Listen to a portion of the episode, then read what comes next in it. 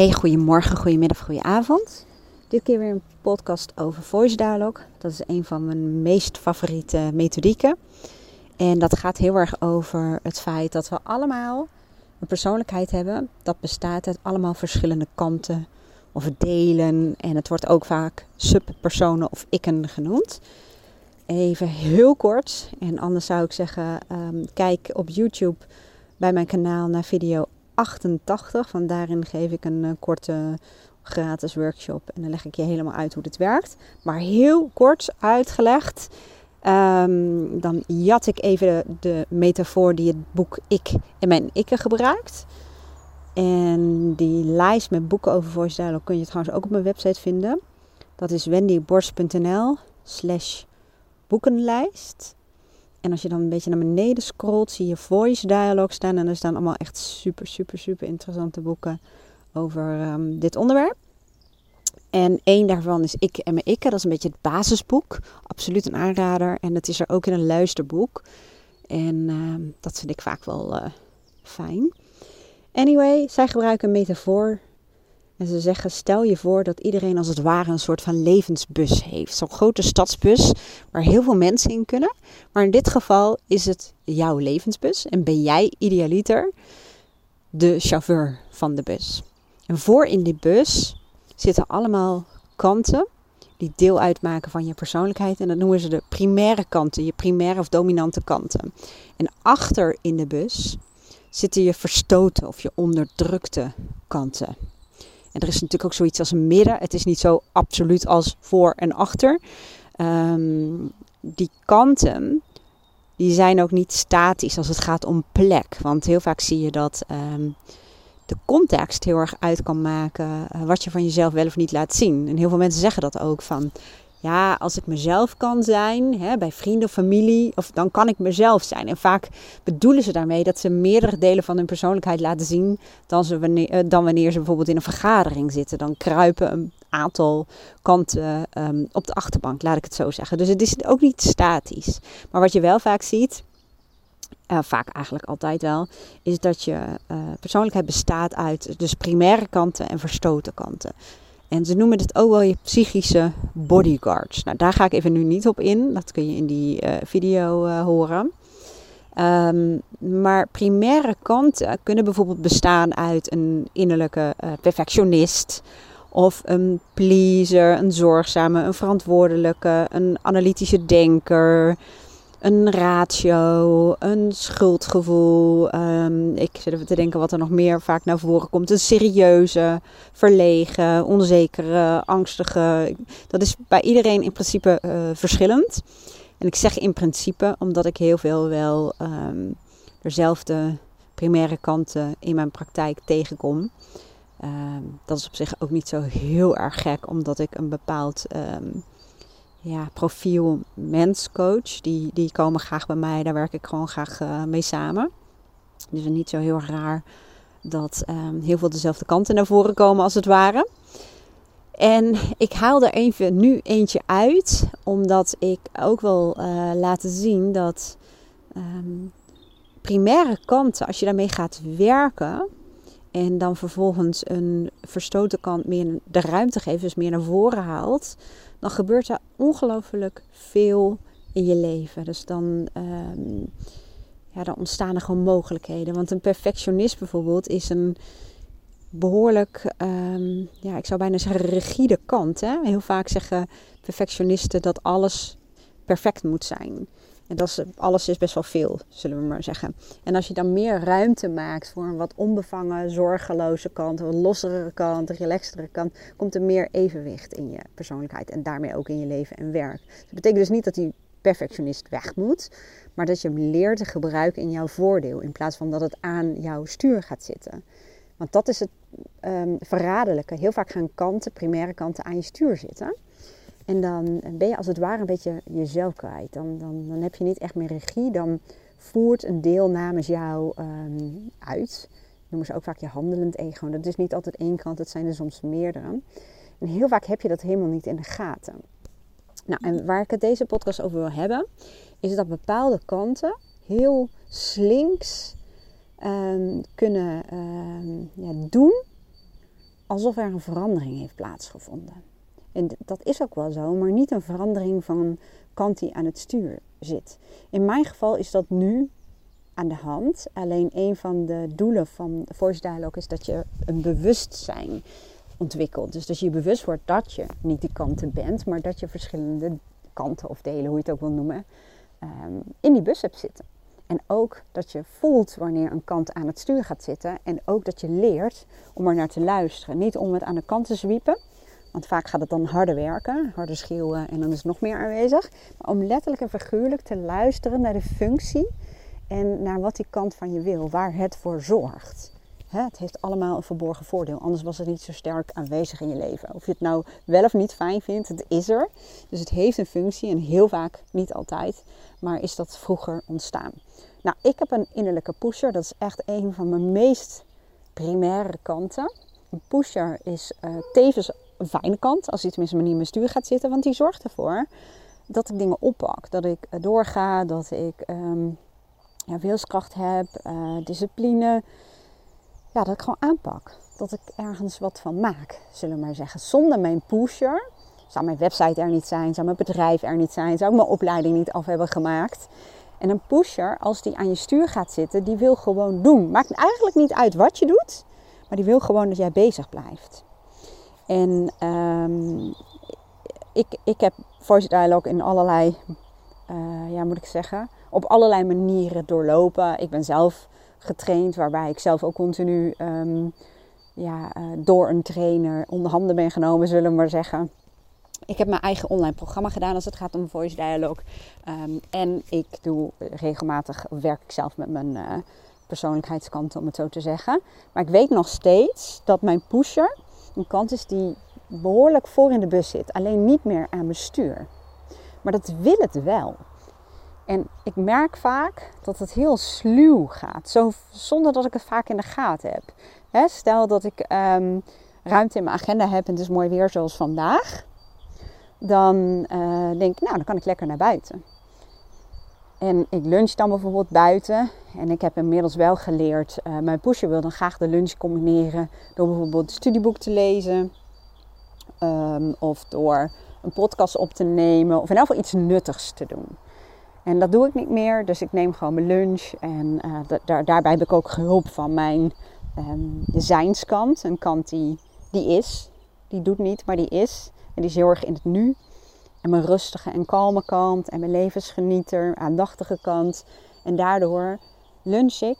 Mijn telefoon is gewoon uit. Of uh, het geluid in elk geval is uit. En ik heb gewoon aandacht voor mijn lunch en voor mijn omgeving. En uh, daardoor is het ook ongelooflijk veel rustiger in mijn hoofd. Want een pusher kan ook heel erg zorgen voor onrust.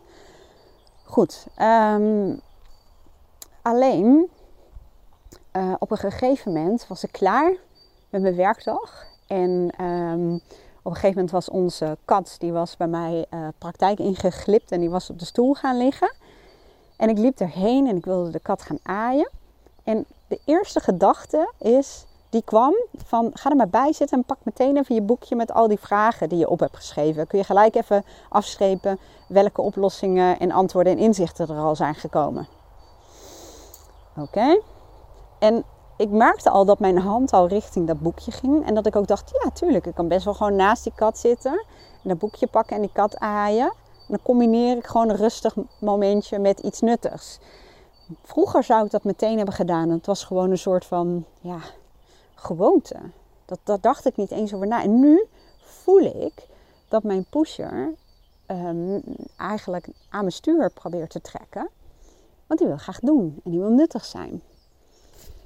En dan vervolgens, ja, dan, ik weet inmiddels, dat hoef ik dan niet meer te doen. Ik weet wat die pusher wil doen en ik weet waar die voor wil zorgen. En ik weet ook waar die bang voor is. Dus dat, dat, dat, dat weet ik inmiddels. En op een gegeven moment um, dacht ik, oké, maar ik ga nu gewoon even mijn rustige en kalme kant bij wijze van spreken erbij halen. En ik ga gewoon alleen maar even die kat gewoon aaien en dat met volle aandacht doen. Dat geeft een compleet ander gevoel. Ja, dat is net als met als je bijvoorbeeld kinderen hebt, of een partner, of collega's of vrienden. Als je daar met je volle aandacht bij bent, voel je gewoon de verbinding. En anders ben je er met je hoofd niet helemaal bij. Maar vervolgens probeerde mijn pusher op een heel andere manier toch bij wijze van spreken zijn zin door te drijven. Door te zeggen, ja, maar het is heel leuk. En eh, dat te zeggen zijn natuurlijk gewoon gedachten, hè? laten we dat even voorop stellen. Maar zo van, ja, maar het is heel leuk. Dus ik kreeg als het ware een soort van um, plezierig gevoel bij het idee dat ik dat boekje zou pakken. Zo kun je zien wat er allemaal is uitgekomen. En dat is dan weer een andere manier waarop de pusher zich laat zien, maar een, een positief gevoel koppelt aan die bepaalde handeling waarvan hij wil dat jij het uitvoert. En dat is het grappige. Kanten kunnen als het ware ook transformeren. Ze kunnen ook transformeren naar um, een, de essentie. En daarmee bedoel ik, kijk, een pusher is gewoon een doorgeslagen kant. Die is, die is aan het overdrijven. Dat is te veel van het goede. In essentie, ja, je zou als je kijkt naar kwaliteiten ook kunnen zeggen dat het in essentie kwaliteit is, maar als het doorslaat wordt je valkuil. Dus de pusher is dus de valkuil, maar als je kijkt naar de kwaliteiten die daaraan ten grondslag liggen, is het um, ja, daadkracht, actie, uh, nou ja, dat, laten we het zo zeggen. Dus om het terug te brengen naar de essentie, ik weet al niet eens meer waarom ik dit uh, zei trouwens, waarom ik dat kom van, uh, het is een doorgeslagen kant. Nou, daar ben ik even kwijt, dat is ook een deel van mij, maakt ook niet uit. Ik ben even kwijt wat ik, waar ik nou naartoe wil hiermee en waar ik was gebleven. Um, want oh ja, dat was het. Dat was hem. Ik kan gelukkig altijd vanwege mijn ordelijke kant weer terug.